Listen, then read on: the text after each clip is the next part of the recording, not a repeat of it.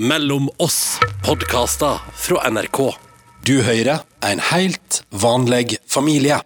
Historien jeg skal fortelle deg nå, heter En helt vanlig familie, og det handler om å vokse opp i et voldelig hjem. Jeg heter Anne Dorte Lunås, og det er Ingvilds historie jeg skal fortelle.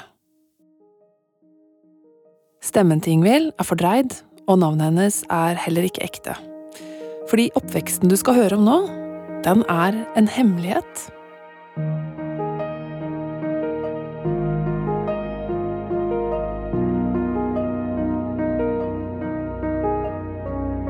Jeg er eh, oppvokst i en helt vanlig familie, sånn egentlig. Mamma, pappa og en lillebror.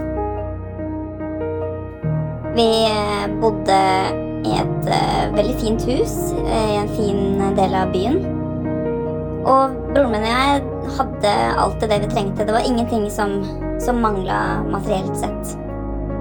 Men eh, noe av det jeg husker eh, best fra barndommen min, er at eh, pappa står og dunker hodet til mamma inn i veggen i kjelleren. Om og om igjen.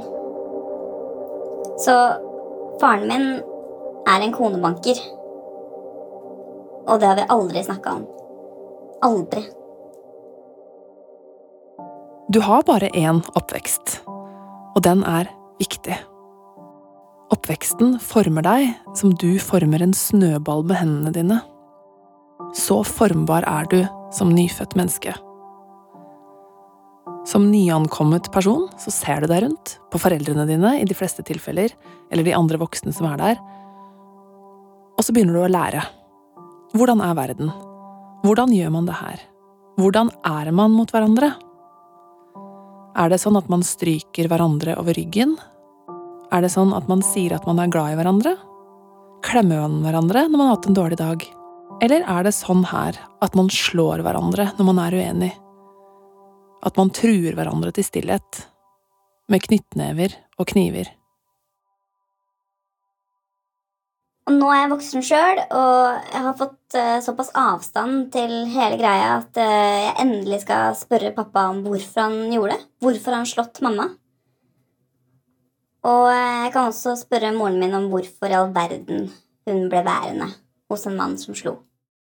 Fordi du skal få slippe å høre på en konstant fordreid stemme, så er det Ingvild har sagt, fra nå av, spilt av en skuespiller. Alle andre aktører i historien er også skuespillere, unntatt meg. Fordi selv om vi snakker om det her nå, offentlig, så er det ingen som skal få vite hvem dette er. Det kan faktisk hende at det er naboene dine det er snakk om. For familievold, det finnes. Også der du ikke skulle tro at det fantes, i helt vanlige familier.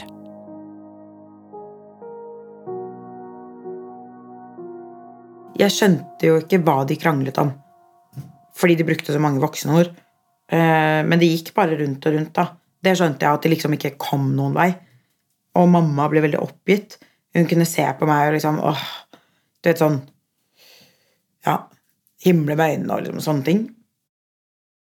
Så var det en da, av disse lange kranglene, eh, etter lang tid med sinte stemmer, der det bare går rundt og rundt de samme eh, klandringene, liksom, så topper det seg. Og pappa farer opp og jager mamma gjennom stua. Og hun, hun løper faktisk, liksom. Hun løp gjennom stua, eh, og han løper etter. Eh, hun løper ned trappa mot kjelleren, og han tar henne igjen i, i bunnen av trappa. Eh, og de står på trappeavsatsen nederst inn mot kjellerstua, og han liksom Han tar tak i hodet hennes og bare dunker det inn i veggen da, flere ganger.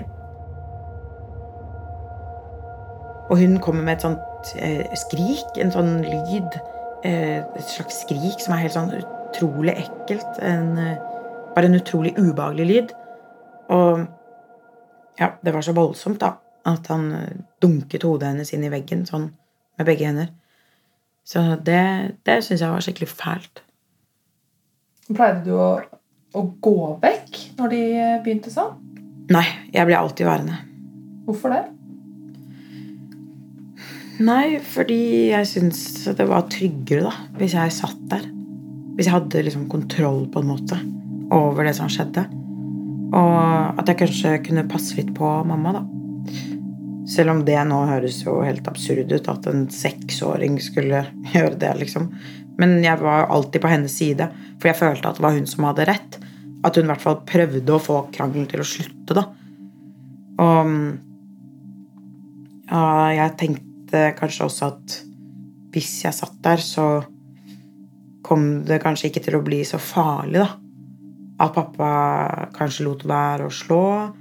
Eh, og hvis det ble noe vold, så kunne jeg i hvert fall se det. Fordi det var mye bedre enn å bare høre det. Jeg møter Ingvild i leiligheten hun bor i, i Bergen. Hun smiler ikke så veldig mye, men hun er hyggelig og høflig. Hun er liten og slank, og veldig sånn plettfritt hår og plettfri hud. Og så har hun på seg snekkerbukse og stripete genser, og ser ganske moteriktig ut. Ingen nøkler, ingen regninger, ingen bøker og blader ligger og slenger.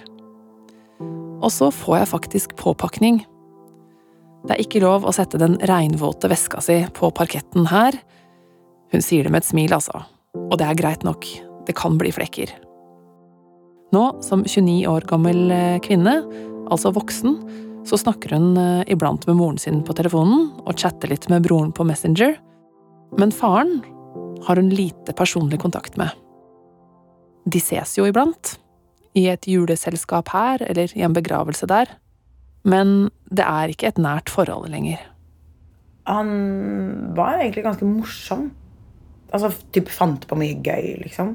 Um, han pleide å imitere kakemonstre. Mens mamma liksom var den som var fornuftig, eh, så var han den gøyale, liksom. Men samtidig så var jeg jo alltid litt sånn bekymret inni meg da når jeg var rundt han. For han var så ustabil, liksom. Kunne være glad i det ene blikket, og så Ja, så jeg var alltid um, litt sånn på vakt, da. Når um, Liksom når han var faren min, vanlig, som jeg kalte det, så likte jeg ham egentlig veldig godt. Fortsatt. Når han er på sitt beste, når han er edru og, og godt humør, så er han en, en fin fyr. Men jeg er så veldig var fortsatt. Da. Det kommer jeg alltid til å være, sikkert. Husker du første følelse av uh, utrygghet rundt ham? Han ga meg ris en gang. Um, jeg vet ikke helt hvor gammel jeg var. Tre eller fire år, vil jeg tro. I hvert fall så liten at jeg ikke hadde noe særlig språk. da. Uh, han tok meg på fanget. Og ja, det er egentlig Fra den situasjonen er det joggebuksa jeg hadde på meg, som jeg husker best. Uh, det var en sånn gul joggebukse. Og han tok meg over fanget, liksom, og slo meg på rumpa. da. Eller ja, et klaps, liksom. Og, og det var fælt, da. Mest fordi han gjorde det. At det var han, liksom. Og moren min er jo ikke så veldig god til å trøste, eh, så jeg pleide å gå til ham for å få trøst, egentlig. Men nå var det jo han som gjorde at jeg ble lei meg, så da Og han var bare sint og sa liksom ikke unnskyld etterpå. Ja. Da Ingvild vokste opp, så bodde de i et brunbeisa hus på vestkanten i Oslo. I et strøk der bare andre høyinntektsfamilier hadde råd til å bo. Faren var økonom og tjente mest penger, moren var advokat og lå hakk i hæl. De slapp å bekymre seg for penger, og faren sa ofte det, at de var bortskjemte, barna hans. Bortskjemte drittunger. Det er en annen gang òg. Han var sint på meg for et eller annet. Vi var alene hjemme, og, og da jagde han meg i, seng og liksom trøkka meg ned i senga. Og jeg var sånn redd og lei meg, og mamma var ikke hjemme heller, så jeg hadde ingen jeg kunne forholde meg til. Altså Da han hadde gått ned igjen, så kom jeg på at jeg hadde glemt å ta fluortabletten etter at jeg hadde pussa tennene. Og det var jeg veldig nøye på, da. Jeg var temmelig sånn regelryttersk som barn. Og de sto i medisinskapet på badet, som jeg måtte ha hjelp til å rekke opp til, da, fordi jeg var for lav. Så jeg ropte liksom ned mens jeg gråt sånn 'Pappa, pappa, jeg har glemt å ta fluortabletten.' Og han bare svarte 'Hold kjeft, din jævla drittunge'. Husker du hva du tenkte på da? Altså, jeg tenkte ganske mye på den fluortabletten. Det var så viktig for meg å gjøre alt riktig da. Eh, og mamma var ikke hjemme, og det var hun som var liksom flinkest til å huske på sånt. Eh, og jeg var redd for at mamma skulle bli sint for at jeg ikke hadde tatt den. Eh, og jeg var nok så liten at jeg ikke reflekterte noe særlig da. Jeg var bare lei meg. Han var jo, han var jo så sint på meg, liksom. Som barn er alle knytta til foreldrene sine. Kjærligheten fra et barn er kompromissløs. Men nå, som Ingvild er voksen, så er faren fjern for henne. Hvordan tror du det blir når faren din dør? Nå har jeg egentlig ikke så mange følelser fram i det hele tatt. Det er liksom bare litt flatt. Jeg hater ham ikke. Men ehm, eh, Ja, jeg var nok ganske liten første gang jeg tenkte at det ikke var så dumt om han døde. Og da skammet jeg meg jo helt vilt over den tanken, liksom. Jeg skulle jo være redd for at pappa skulle dø, og det sa jeg til mamma, at jeg tenkte sånn. Jeg husker ikke helt hva hun svarte på det, da, men nå er han jo altså, en eldre mann, og han kommer jo til å dø. Men den dagen jeg får eh, dødsbudskapet, så tror jeg ikke at jeg kommer til å være lei meg og gråte, nei. Jeg tror kanskje først og fremst kommer til å føle på en slags lettelse. Hva er det som får en voksen mann til å slå hodet til kona si hardt inn i veggen flere ganger? Og hva får den samme kona til å unnskylde det? Igjen og igjen? Og hva er det som skjer med den ungen som ser på? Ingvild har bestemt seg for å finne ut av disse tingene. And you say, as long as I'm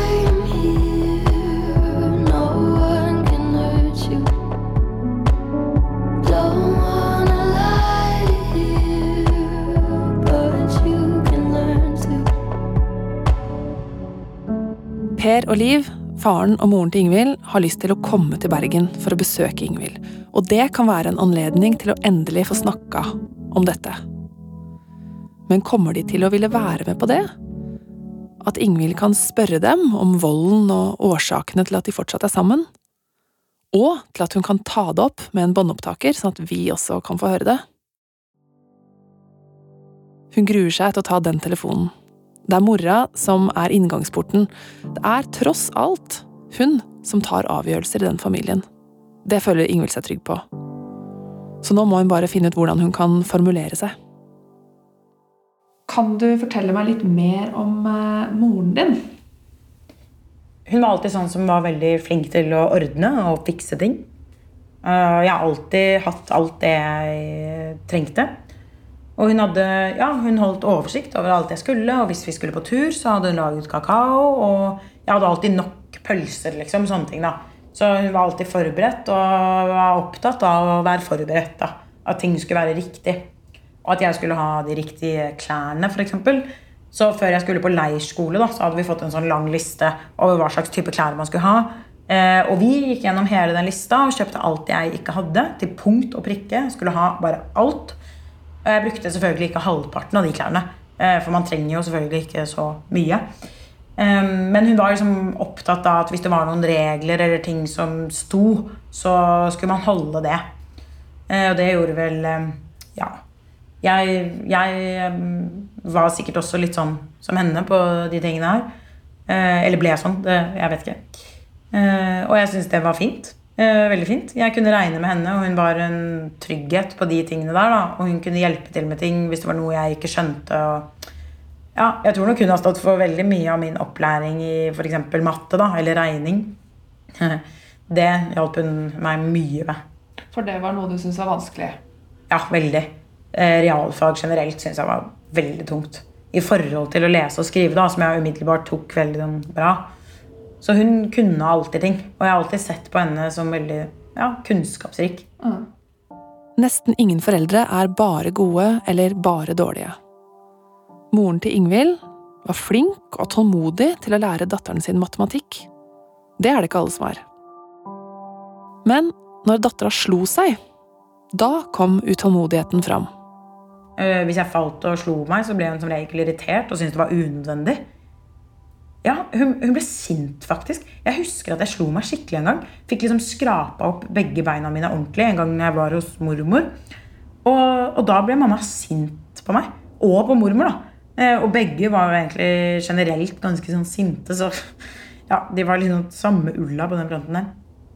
Så det var faktisk absurd nok, da. Pappa jeg gikk til for å få trøst.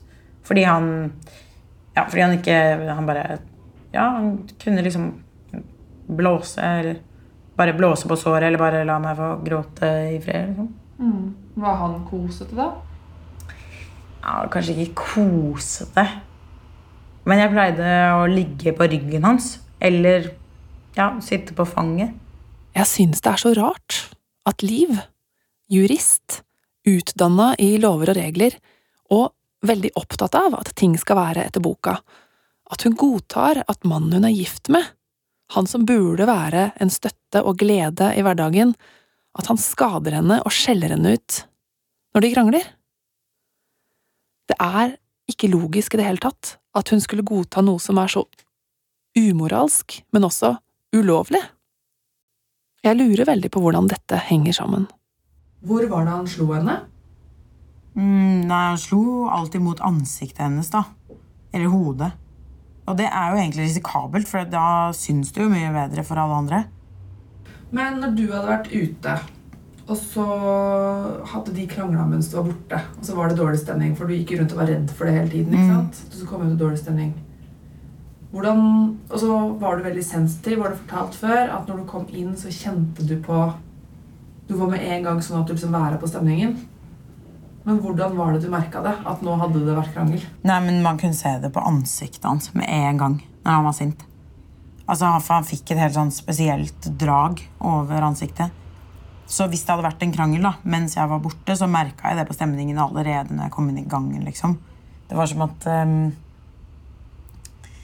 Nei, jeg jeg vet ikke. Så det føltes ut som det lå en tåke i hele huset. Som at stua liksom var full av tåke. Mm, Det er litt vanskelig å sette fingeren på det òg, fordi at eh, de trodde nok at de klarte å skjule krangelen for oss så lenge de ikke sa noe om det. Men jeg tror at voksne glemmer at barn er sykt gode til å lese signaler. Jeg følte jo at noe var galt med en gang, liksom. Liv fortalte nemlig aldri foreldrene sine, eller venninner, om de alvorlige kranglene, truslene og volden. For som hun sa, venninner snakker. Og det ville hun ikke, at de skulle vite dette om henne. At fasaden skulle slå sprekker. Derfor ble Ingvild, altfor tidlig, den eneste innvidde. Mamma fortalte en gang at hun hadde sittet med broren min nede i kjellerstua, altså ammet ham eller noe sånt, og så hadde pappa kommet ned i kjelleren da, med en svær kniv fra kjøkkenet. En sånn type brødkniv eller noe lignende. Men i hvert fall en stor og skarp kniv da, som han hadde med seg og bare la på bordet. Uten å si noen ting. Han bare la den fra seg, satte seg ned eller la seg i sofaen, og det var det. Som en slags sånn, vet ikke advarsel, liksom. Æsj, så ekkelt. Men hun må jo ha lagt fram det her som en ubehagelig ting som har skjedd. Ikke hadde hun ikke huska det. At hun syntes det var skummelt. Men ja, var hun liksom sånn nedpå når hun fortalte det? Ja, nei, hun syntes det var skikkelig Eller ja, for han sa jo ingenting. Eh, Jeg tror hun syntes det var det som var det ekleste. Bare til info så har jeg denne kniven her, liksom. Eh, Det må ha vært guffent, ja. Selv om hun har en tendens til når hun forteller noe, da, så er det aldri noen følelser. Hun forteller det bare helt sånn straight forward, liksom. Hvor mange voldsepisoder var det? Kanskje var det ikke hver uke. Kanskje var det ikke hver måned engang. Men faren for elendig stemning og for at noe grusomt kunne skje, den lå der liksom hele tida. Og det er det som gjør noe med et barn, sier psykolog Per Isdal. Han har spesialisert seg på å forstå vold og konsekvensen av vold. Vold ødelegger kjærlighet, har han sagt. Og på spørsmål om hva det å se vold hjemme gjør med et barn, så svarer han dette. Det ser ut til å være mer skadelig og mer skjellsettende for et barn å oppleve vold mellom foreldrene enn det er for det barnet å bli mishandlet selv. Da. Eh, Og det er jo tankevekkende. Hvorfor? Hvorfor er det sånn når barnet egentlig ikke da blir direkte fysisk utsatt? Men, eh, men det er nok sånn fordi foreldrene er så utrolig viktig, og igjen da grunnlaget, altså selve kilden til trygghet. Og når volden kommer der, eh, blir det verre. Det som også eh, er spesielt vanskelig for barn som opplever vold, er jo tausheten og tabuet. For i de fleste tilfellene der det er vold mellom foreldrene, så blir det aldri snakket om. Altså det skjer Det er egentlig en dramatisk krig i familien, og ingen sier noe om det. Det er forferdelig ødeleggende, den tausheten. Da må barnet gå og bære alt alene. tenkte jo generelt ofte, altså særlig hos én spesifikk familie, eh, nabofamilie, da, at jeg kunne ønske at, at jeg bodde hos dem. Eh, og mm, jeg husker ofte at jeg tenkte sånn Hvis mamma og pappa dør, kan jeg kanskje bo her? Kan kanskje de liksom bli foreldrene mine i stedet?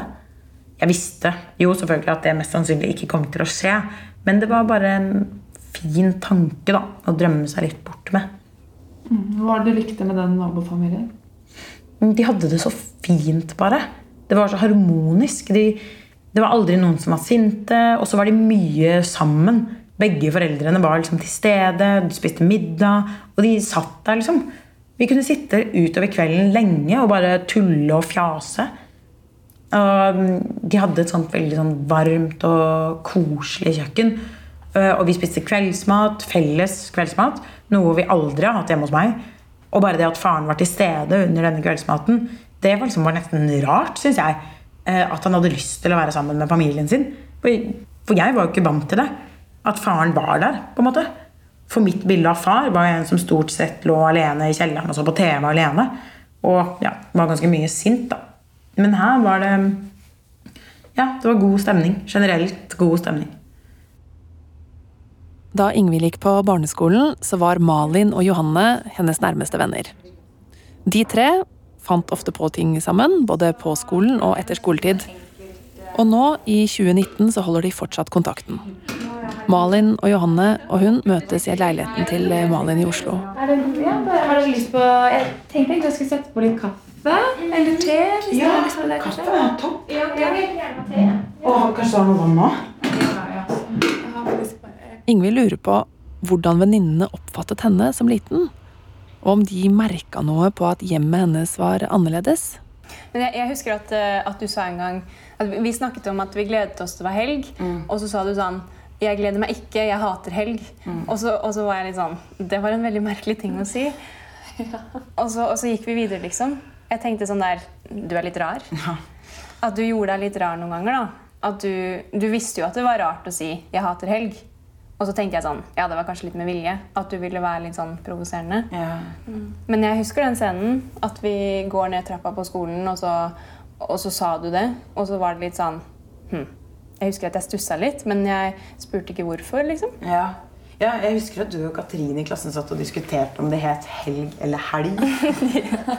Fordi Katrine sa helg, og du sa helg, og du mente at helg var det som var riktig. Og da mens dere hadde denne Ja, jeg ser det for meg. mm, så husker jeg at jeg tenkte at jeg gleder meg ingenting til helgen.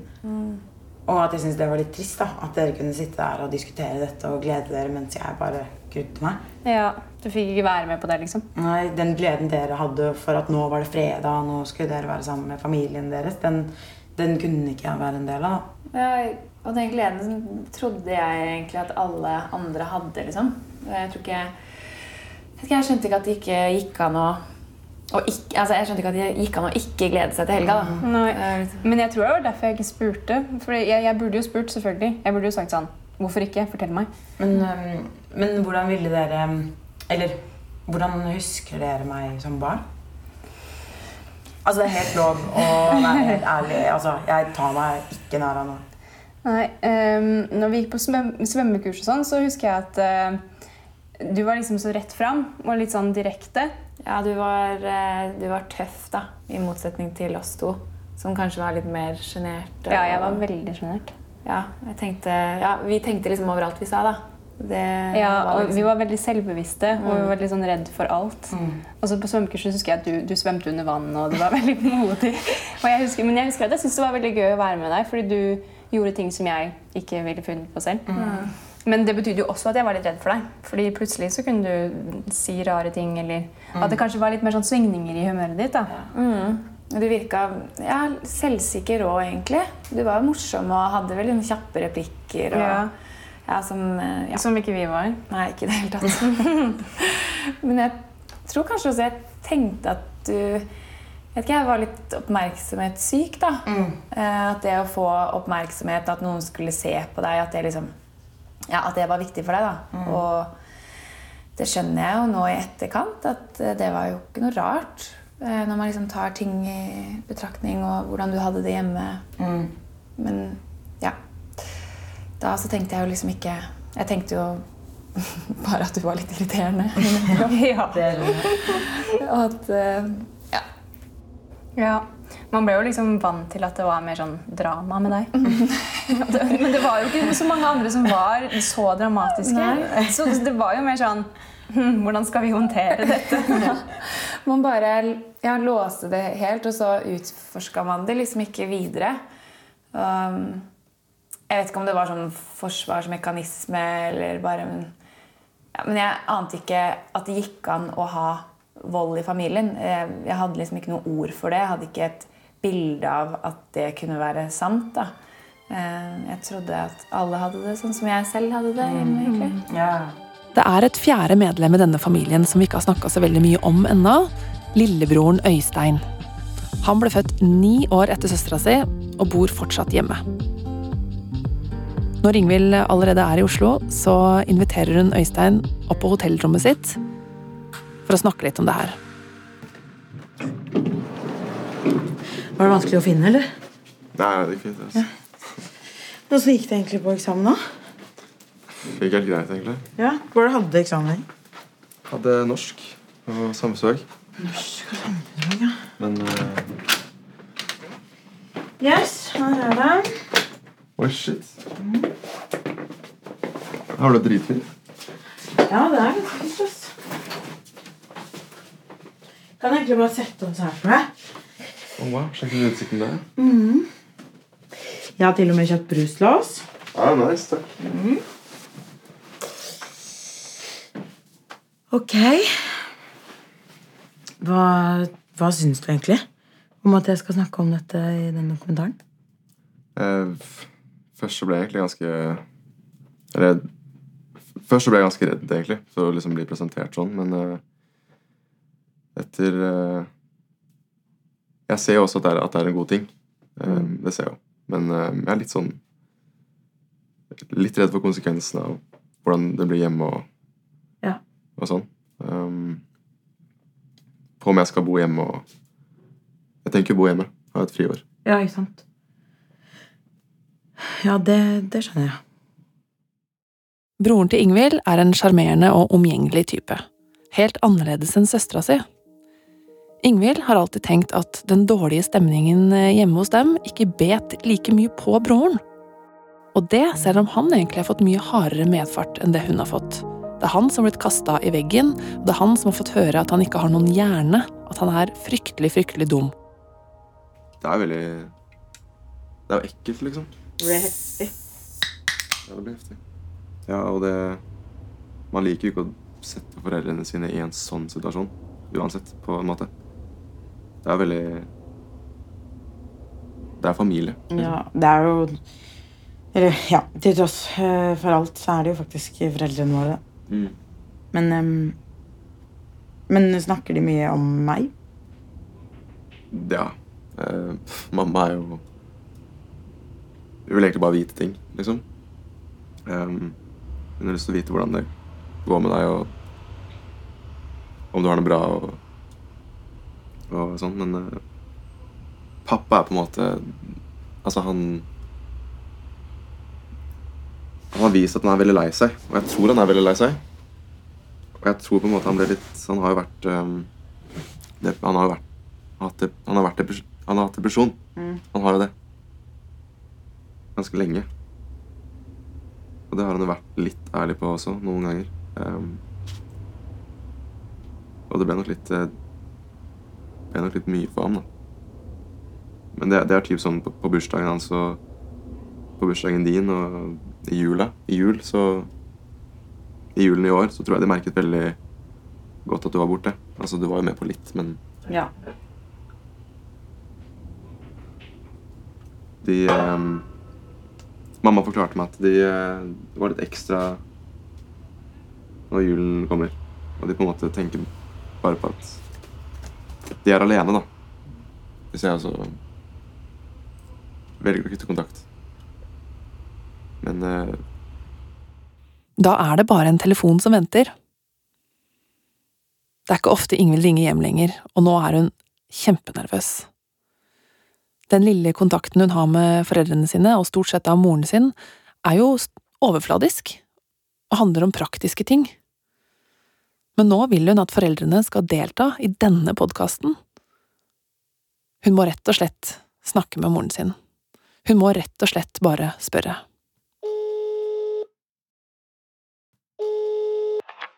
Hei, Mel. Hei. Hei. Går det bra? Ja, det går, det går fint. Ja. Du, vi har stått og um, oppi kasse på kasse hos Einar, vet du. Å ja.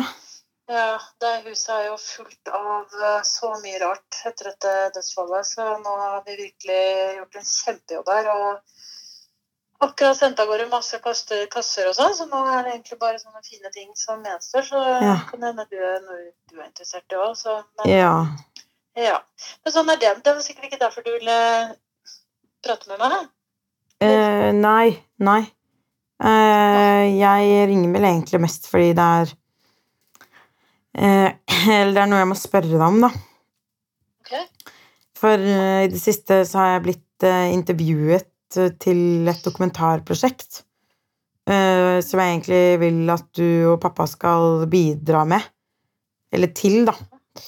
At jeg liksom tar med en lydopptaker og snakker med dere. Ja.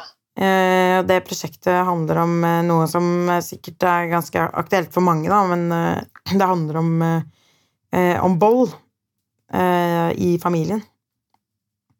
Oi sann. Eh, ja, og jeg har valgt å dele min historie.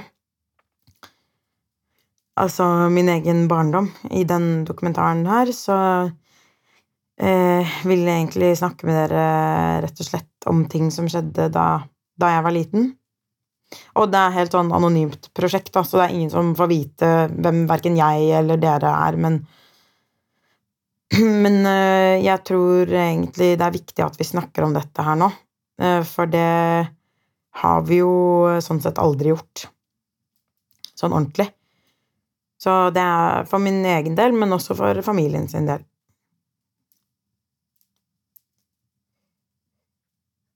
Hva ehm, Hva, hva slags hva, hva, Altså hva, hva, hva er resultatet av dette, da? Er det, er det radio eller tekst, eller hva hva- Er er det noen andre som, som sier det vi har sagt der, da? Eller er det, er det, er det klippet? Ja, ja, nei, altså det vil ikke være deres stemmer som vil bli brukt. Så lenge hun får være anonym, så vil hun være med, sier moren til Ingvild. Da kan de snakke om volden og oppveksten og hva det måtte være, hva som enn må til. For det er så tungt, sier hun, at de ikke har noe særlig kontakt lenger. At du husker bare ja, det negative, da. Og, og, og det er det som er igjen, liksom. Bare hat og vonde følelser. Det er forferdelig. Så jeg har tenkt på, på akkurat det, at kanskje hvis du ja, For egen familie, da. At det Ikke at det vil gå over, men at du vil forstå mer. At du vil kunne forsone deg med hvordan vi, vi gjorde ting. Mm. Jeg trøster meg, meg selv med det. Fordi at jeg kommer ikke Det, det, nytter ikke. Du må, du må ikke tro at jeg ikke er opptatt av dette her. Det må være vondt for en mor på nesten 60 år, at de store barna hennes ikke lenger vil ha noe særlig med henne å gjøre. Hun ønsker seg at de nå i 2019 kan sette en strek over alt det gamle og bare være voksne sammen. Men er det ikke noe hun glemmer, Liv? tenker jeg når jeg hører at hun håper at Ingvild snart vil forstå, at Ingvild kan tilgi, legge det bak seg, og skjønne at foreldrene har jo gjort sitt beste. Ja, man gjør innmari mye feil som foreldre, da. Alle gjør det. Og jeg tror på en eller annen måte at alle har sitt. eh, på et vis. Men det betyr ikke at jeg er uskyldig på noe som helst måte. Det er bare at liksom Det må, det må kunne gå an å, å komme litt videre, da. Og, og, og, det du sier nå, gjør at jeg får et håp om det. Og det, og det er jeg veldig, veldig glad for. Ja, Jeg kjenner at jeg er spent på om denne moren og faren kommer til å lytte til det barna deres sier, til å skjønne at dette handler om en barndom med utrygghet og taushet, og at det ikke er en bagatell man som voksen kan sette en strek over og si pytt sann, sånn som skjer. Pappa blir sikkert med, sier Liv. Han har det også vondt, sier hun, han savner også dere. Men jeg, jeg tror nok du vil oppdage at han ehm, At han har veldig annen oppfatning av, av hva som har skjedd. Eh, eller har glemt veldig, veldig mye. ja.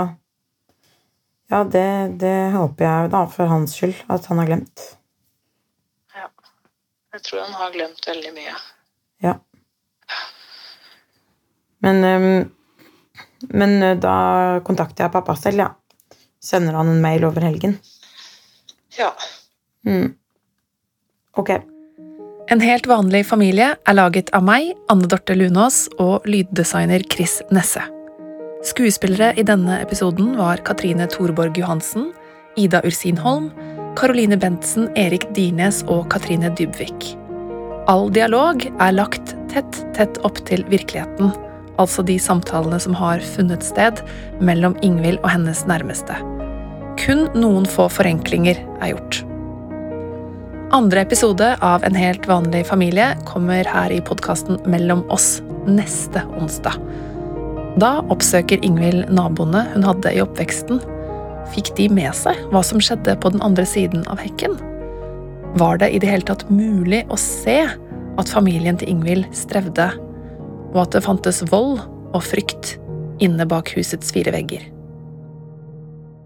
Om du vil høre flere podkaster fra NRK i mellomtida, så kan jeg virkelig anbefale Følelsen, som du finner her i Mellom oss.